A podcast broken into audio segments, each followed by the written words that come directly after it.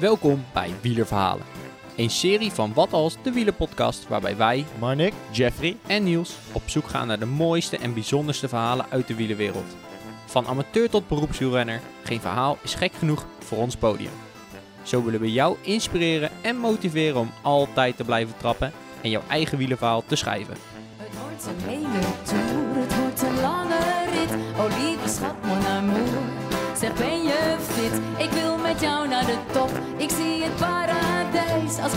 tussenstop. En dan weer vlucht naar Parijs. Een hele goede avond, een Mark. hele goede avond. Ja, we weer eh, bij de prachtige proloog in Ja, Amerongen. Amerongen, ja, ja, En, ja, ja. eh, we mogen weer een wielerverhaal opnemen. Ja, we hebben een fantastisch weer gehad. Dus eh, ik denk dat er heel veel verhalen weer zijn geboren de afgelopen twee, drie weken. Ja, Bij Marnik tenminste wel. bij mij wel in ieder geval. Ik heb zeker niet stilgezeten, nee.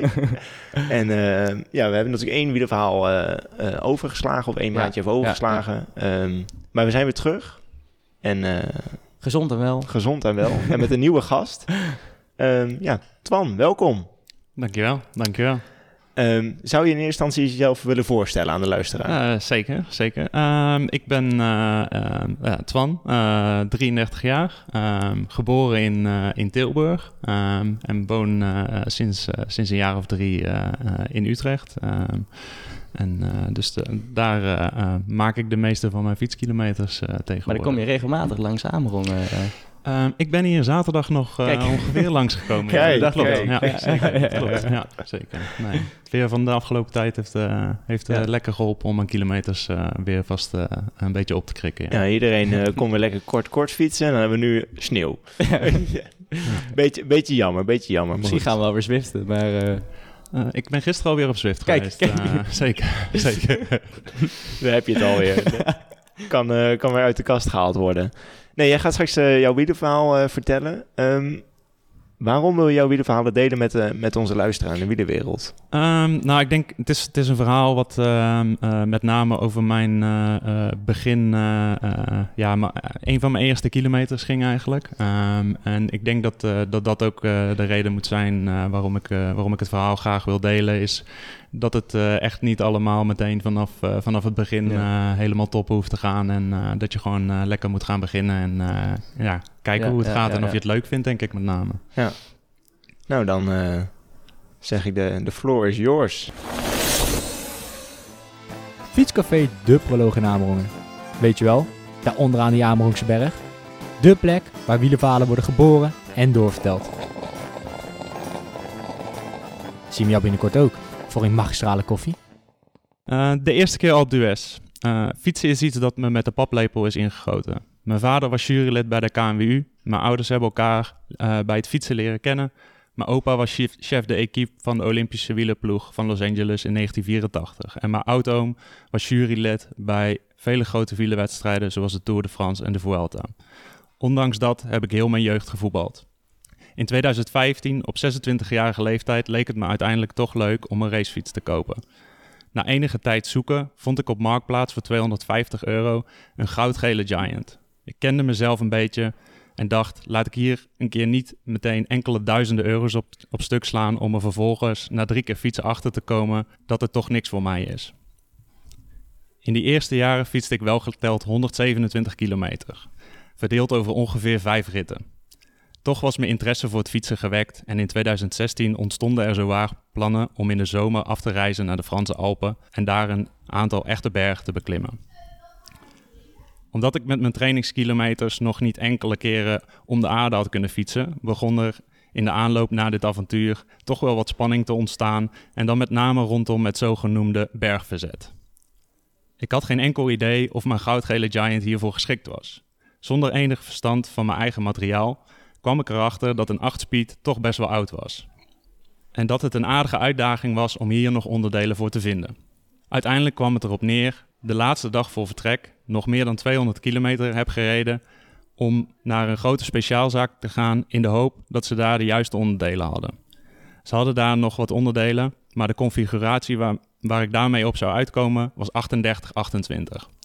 Toen ik de medewerker vroeg of ik hiermee de berg op zou komen, vertelde hij me dat het wel een mannelijk verzet was, maar dat het wel moest kunnen. Omdat het qua onderdelen niet meer beter zou worden dan dit, ben ik snel naar huis gegaan om deze onderdelen nog op mijn fiets te installeren.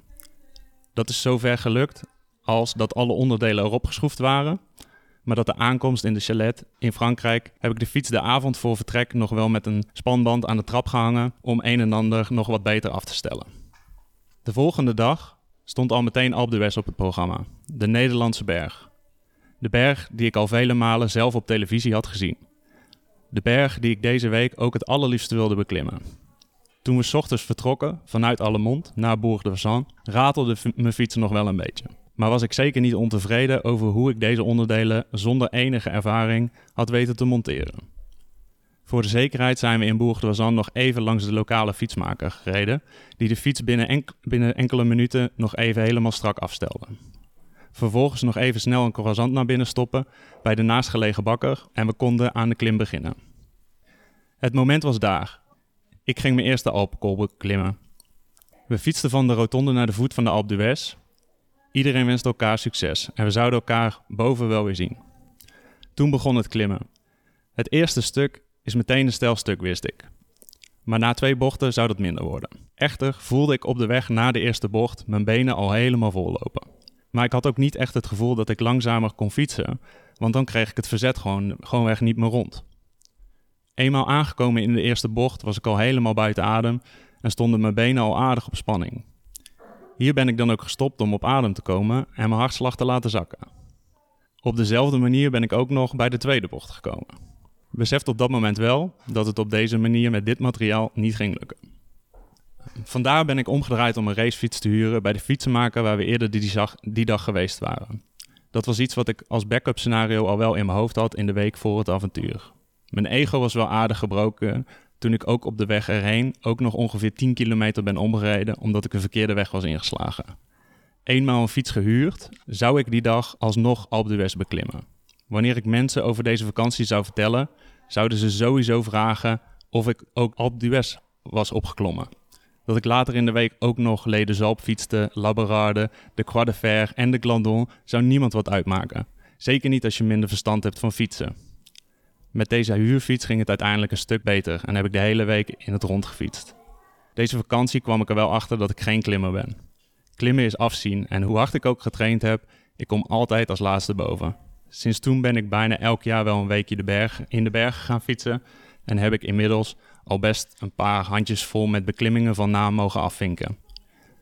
Het afzien wordt er echter niet minder om.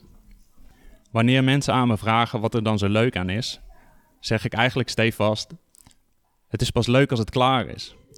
Dat is voor mij fietsen, de overwinning op jezelf. Zeven doden sterven, maar toch blijven trappen en aan het einde grote dingen hebben gedaan en overwonnen. Vele jaren later ben ik samen met mijn compagnon, oud-collega en vriend Laurens een kledingmerk gestart met casual wielerkleding. Helemaal in de gedachte van, het is pas leuk als het klaar is. Proberen we t-shirts te maken voor wielerliefhebbers die weten wat het is om deze overwinning op zichzelf te bereiken en die ook in zijn vrije tijd wil laten zien dat hij een liefhebber is. De naam van dit kledemerk heeft een referentie naar mijn opa, die voor de Olympische ploeg zorgde in Los Angeles in 1984. Hij was namelijk de chef d'équipe. Nou, dus als we vragen hoe ben je in de wielenwereld terechtgekomen, dan zit het juiste antwoord.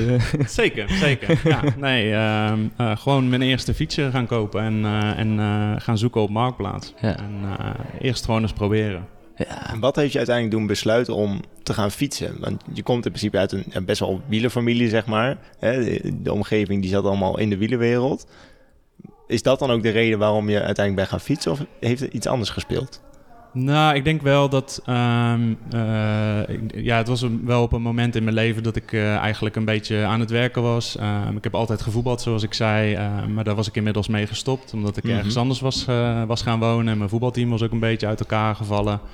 Ehm, en dan moet je toch iets aan, eh, aan sport gaan doen. Ja. En eh, ik, had, ik, ik heb wel eh, eigenlijk altijd de grote wedstrijden, de, de Tour de France, heb ik gewoon wel elk jaar gevolgd. Omdat dat wel Mhm. gewoon heel leuk was om te kijken. En nou ja, zeker in de tijd dat je nog op school zit, heb je daar natuurlijk ook gewoon veel tijd voor om gewoon lekker de hele dag Ja. alle etappes te volgen. Ja, ja. Ehm, Dus eh, ik denk dat, daar, eh, dat het altijd misschien wel eh, eh, mijn interesse heeft gehad. Maar ja, dat ik toen eh, uiteindelijk eh, ben gaan proberen in ieder geval. Gewoon een fiets kopen en kijken wat het is. Precies, ja. Nou, volgens mij herkennen we hier allemaal ons in. Ja, dat denk ik wel. Ik Als ik, denk dat- onze verhalen allemaal ken. Eh, Niels is zo begonnen, Mark is zo begonnen, ik ben zo begonnen. Allemaal fietsen rond tussen de 250 en 500 euro. Ja. Die net niet uit elkaar valt, maar waar je net wel mee kan fietsen. Eh, Ja. Maar super mooi dat je, dan, dat je dan zo begint in de Alpen. Ja. Maar je had, hoeveel trainingskilometer had je nou gehad voordat je naar de Alpen Nou, in dat eerste jaar heb ik, eh, wat ik zei, 127 kilometer gefietst. Ja, en, eh, ja. Over vijf ritten, dus dat is iets van eh 20, 20 kilometer per keer geweest. Dus ja, dat mocht, mocht echt geen naam hebben. Maar ja, je bent nog helemaal eh, aan het wennen aan, aan zo'n racefiets en, Ja. en hoe dat allemaal werkt. En de klikpedalen, waar iedereen natuurlijk wel zijn herinneringen mee, eh, mee heeft, denk ik. Ehm, dus eh, ja, dus dat, daar ben ik toen mee, eh, mee begonnen, ja. En waarom heb je toen gekozen om de Franse Alpen te gaan fietsen? Want er zijn natuurlijk zoveel enorme beklimmingen over ja, in heel Europa alleen al. Ja. Nou, het was een. eh, dus we zijn, we zijn met, eh, met vijf, eh, ik denk ongeveer vijf gasten toen die kant op, eh, opgegaan. Mhm. Ehm, en, en één daarvan die, die fietste al heel zijn leven. Die ging van jongs af aan eigenlijk al elk jaar wel een weekje in Frankrijk fietsen. Ja. Ehm, en eh, eh, nou ja, die was dan ook vaak ehm, eh, ja, dat hij dat hij ons al meenam door de ritten van, eh, van de volgende dag en hoe, wat er op het programma stond eigenlijk. En, Oh ja, eh, waardoor ja, je in ieder geval een beetje wist wat de hellingspercentages Ja, waren. ja. En, Dan kon je mentaal een beetje voorbereiden op hoeveel je ging afzien. Precies, ja, exact. Voor het moraal. En hoe, hoe, ging de, hoe ging de rest van de, van de week? Want ja, hè, je hebt natuurlijk die, die Alpe d'Huez be- beklommen. Nou ja, dat, m- met een betere fiets ging dat, eh, ging dat een stukje beter. Ja. Ging de rest van de, van de week eigenlijk ja, redelijk vloeiend? Nou, ik weet nog dat die... eh, dus de volgende dag stond toen eh Laberarde op het programma. En dat, dat die jongen dus zei van... ehm, ja, morgen is een wat rustigere rit. Oh ja, Eh, herkenbaar, herkenbaar. maar daar zat toen ook wel een stijl stukje in. eh, die, eh, ja, en, en, en dat ik op dat, op dat stijle stukje wel echt gedacht heb van... Ja, ik ben er ook eigenlijk helemaal klaar mee. En ik draai, en ik draai Ja. hierom. Ja, En ja. uiteindelijk toch weer niet, eh, niet gedaan. En toch bij het einde gekomen. Maar dat is nog wel echt heel erg knap trouwens. Als je met zo weinig eh, ervaring zo zoveel bergen op gaat, dat... what the fuck. ik, ja, ik wist van mijn pa dat ik de Mont Ventoux wilde beklimmen. Zei hij, nee Jeff, nee, nee, hier is wel 10.000 kilometer in de benen voordat je dat gaat doen. Dus Ja. wees verstandig. Nou, Ja, ik, denk dat, ik denk ook wel dat dat verstandig is. maar, is iets, iets fijner fietsen. Een beetje genieten van de Ja. omgeving. En, Ja. eh, ja. ja, Ja. zeker. Nou, ik vind het wel mooi dat je aangeeft dat het niet, ehm, dat niet altijd, dat het niet altijd even makkelijk gaat, zeg maar. Je, je zegt van ja, ik, al gelijk de eerste bocht stond ik stil omdat ik er niet meer aan kon. En ja, hè, ja. ja. ja, dat geeft wel weer aan dat het altijd met ups en downs gaat. Ja, zeker. En ik denk dat dat ook wel gewoon het, het mooie van fietsen is. En, eh, want ik, ik, ik vind nog steeds het mooie van berg, of fietsen in de bergen, dat eh, het is enorm afzien. Maar omdat je ook zo, zo langzaam gaat, Ja, heb ja, je ook ja. alle, alle tijd om lekker om je heen te kijken. En je zit Ja. wel op dat moment in de, in de mooiste natuur eigenlijk Ja. eh, die, die er is. En Ja. ja, dat zorgt er dan toch voor dat je even je gedachten ergens anders hebt Ja, of zo. ja, Dat is ja. gewoon, eh, Ja, ja. Het is een soort twee werelden in één. Hè. Aan de ene kant haat je het echt verschrikkelijk. Ja, Maar aan de andere kant kijk je me heen. Ja, het is echt het, het mooiste wat er is dan. Ja. Maar dat vond ik mooi aan het verhaal, dat je ook zegt... het is pas mooi of fijn als het klaar is. En dat heb ik altijd. Als ik aan het Ja. fietsen ben, jongen, dan vind ik het verschrikkelijk. Maar ook echt Oh. verschrikkelijk. Op het moment dat ik afstap, gedoucht ben en mijn kwarkje heb gegeten... en ik, ik zit zo naar je Strava-rit te kijken... en ik zie wat ik heb gedaan, denk ik... oh, dat is Ik, toch heb, wel ik heb lekker. het maar weer geflikt. Ja. Als mensen dan vragen, ja, waarom zit je op de fiets? Ja, Doe het gewoon. Geen idee. Het is gewoon Ja. helemaal, eigenlijk, is het gewoon helemaal ja, kloten om op de fiets te trappen en te, en te mo- moeten rijden. Maar als je dan klaar bent, joh, dat gevoel. Het geeft wel voldoening, ja. Ja. Ja, en toch, elke keer als het weer lekker weer is, heb je er weer zin in of zo. ja, maar dat is Ja, raar, hè? ja, ja, Dat is ja. zo gek. Nou, ik had dat laatst, ik heel lang niet meer gefietst, anderhalve maand. Zo was echt zo erg. En eh, eh, toen, toen gingen we weer fietsen. En na 10 of 20 minuten had ik iets van, ja, dit is waarom ik dit doe. Maar de eerste 20 minuten vond ik het verschrikkelijk. Toen dacht ik, ik ga mijn fiets gewoon verkopen en ik ben er klaar mee. ik stop er gewoon mee. Maar eh, Ja, en aan het begin van het seizoen is het ook wel weer gewoon even doorzetten. Dus dat merk Ja. ik nu eh, de afgelopen weken is gewoon eh, ehm, ja, weer 100 kilometer fietsen. Dan, eh, dan ben ik de rest van de dag wel gewoon, eh, gewoon klaar eh, Ja. met de benen. Maar ehm, eh, ja, de week daarna doe je het gewoon weer of zo. ja, Ja. En ik vind die progressie en dat je dan uiteindelijk Hm. inderdaad zo'n berg gewoon veel makkelijker opkomt in de loop van de jaar. Want hoe, hoe is je conditie nu? Vergeleken, eh, hoeveel jaar is dat geleden? Eh, dit is eh, van 2016 eh, ben ik voor de eerste Ja. keer ehm, eh, daarheen gegaan. En ik moet zeggen eigenlijk dat ehm, tot corona fietste ik denk ik ongeveer 3000 kilometer in een jaar Ja. of zo. En eh, sinds corona is dat eigenlijk opeens eh, verdubbeld of zo. Dus die- zeker die eerste, Ja. dat eerste coronajaar was het natuurlijk ook gewoon echt heel erg lekker weer allemaal. En eh, kon je ook niet heel veel anders doen dan eh, lekker naar buiten gaan. Ja. Dus toen Ja. heb ik wel gewoon echt heel veel eh, gefietst. En dat heb ik ook afgelopen jaar wel aardig eh, vol weten te houden. Dus, Ja. eh, maar ondanks dat moet ik zeggen dat die, eh, die bergen nog steeds niet mijn, eh, niet mijn vriend Nee, hè? Nee, Dat wordt, wordt nooit leuk. nee. Nee. Nee, ik merkte ook inderdaad dat het eerste coronajaar, toen kon je natuurlijk, dronk je natuurlijk minder bier. En dat scheelde al een hele hoop. maar, nu, maar nu, dan heb je weer op zaterdagavond een feestje. En dan ga je niet op zondagochtend vroeg opstaan om vervolgens 100 kilometer te gaan fietsen. Dan denk je, nou, flikker maar op, ik, eh, ik blijf lekker in mijn bed liggen en ik fiets wel een uurtje met Niels Ja. mee of zo. Nee, en ik merk dat dus ook wel gewoon aan, aan mijn... eh, dus eh, binnen die groep merk je gewoon dat er eh, een aantal jongens zijn die het gewoon zoveel makkelijker afgaat of zo. Ja. Ook, en dus hoeveel ik ook train, ik, ja, wat ik zeg, ik, eh, wat ik ook in mijn verhaal zei, ik kom altijd als laatste boven. Dus eh, ik, ik, ik ben er gewoon niet voor gemaakt. Herkenbaar, Ja, dit, soort, herkenbaar. dit, dit gesprek hebben we vorige week nog op de fiets gehad. Hey, eh, Twan, jij zei eh, aan het begin van, vroegen we jou waarom je het wilt delen met de luisteraar. En wat wil je nou meegeven eh, met je verhaal aan de luisteraar? Ja, ik denk gewoon met name eh, dat, dat het, dat het, ja, probeer er in je hoofd denk ik niet te veel, eh, niet, niet, het niet te moeilijk te maken en, en ga het gewoon proberen. En eh, misschien is dat ook wel wat jij net Ja. zei van, ja oké, je moet eerst 10.000 kilometer fietsen, maar ja, je kan het, je kan het ook gewoon proberen. En misschien, misschien lukt het niet en Ja. dat, dat is ook allemaal oké op zich. nou, dat merkte ik nu met de woensdagavondcompetities.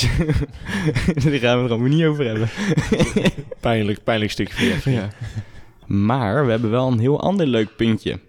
Zeker. Ja, je had het in het videoverhaal over Chef de Equip. Mhm. Ehm, en waarom dat Chef de Equip heet, dat gaan we niet nog een keer benoemen. Want, eh, ja, ehm, kijk vooral op onze Instagram. Er komt er namelijk een giveaway aan. Ja, zeker, zeker. zeg het zelf, maar eh, Nou, we gaan in ieder geval een shirt weggeven, dus dat, eh, dat lijkt me heel erg leuk. Ja, mocht je geen Instagram hebben, eh, ons telefoonnummer staat overal vermeld eh, op de website, eh, op Spotify. Dus je kan, je kan ons telefoonnummer wel overal vinden als je ons intikt. Ehm, en dan kun je het naar ons toe eh, appen of sms'en.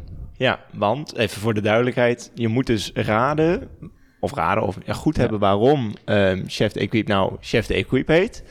Ehm, en dan maak je kans op, op een geweldig shirt. Ja, Ja, zeker. Kijk, super. aangeboden door Chef de Equipe. Ook al, ook al. Nee hoor. Dan eh danken we hartelijk voor je tijd en ja, voor de moeite dat je dit mooie verhaal met ons wilde delen. Ja, Graag En gedaan. eh, de luisteraar wilde inspireren en, en eh, motiveren om, om verder te fietsen. Nou, hopelijk, eh, hopelijk is dat een beetje gelukt. Dat denk ik wel. ja ik hoop dat jullie een beetje hebben genoten. Net als wij. ja, precies. En dan, eh, dan zien we elkaar weer terug bij een nieuwe wielenverhaal. ja, volgende maand. Zeker. Leuk dat je luisterde naar Wielenverhalen, een serie van Wat Als de Wielenpodcast. Heb jij een wielenverhaal die echt gedeeld moet worden met de wielenwereld? Twijfel dan niet en stuur een bericht naar ons telefoonnummer 06 82 61 2419. Wil jij meer afleveringen luisteren? Abonneer dan nu via Spotify, iTunes of jouw favoriete podcast app, zodat je geen aflevering meer mist.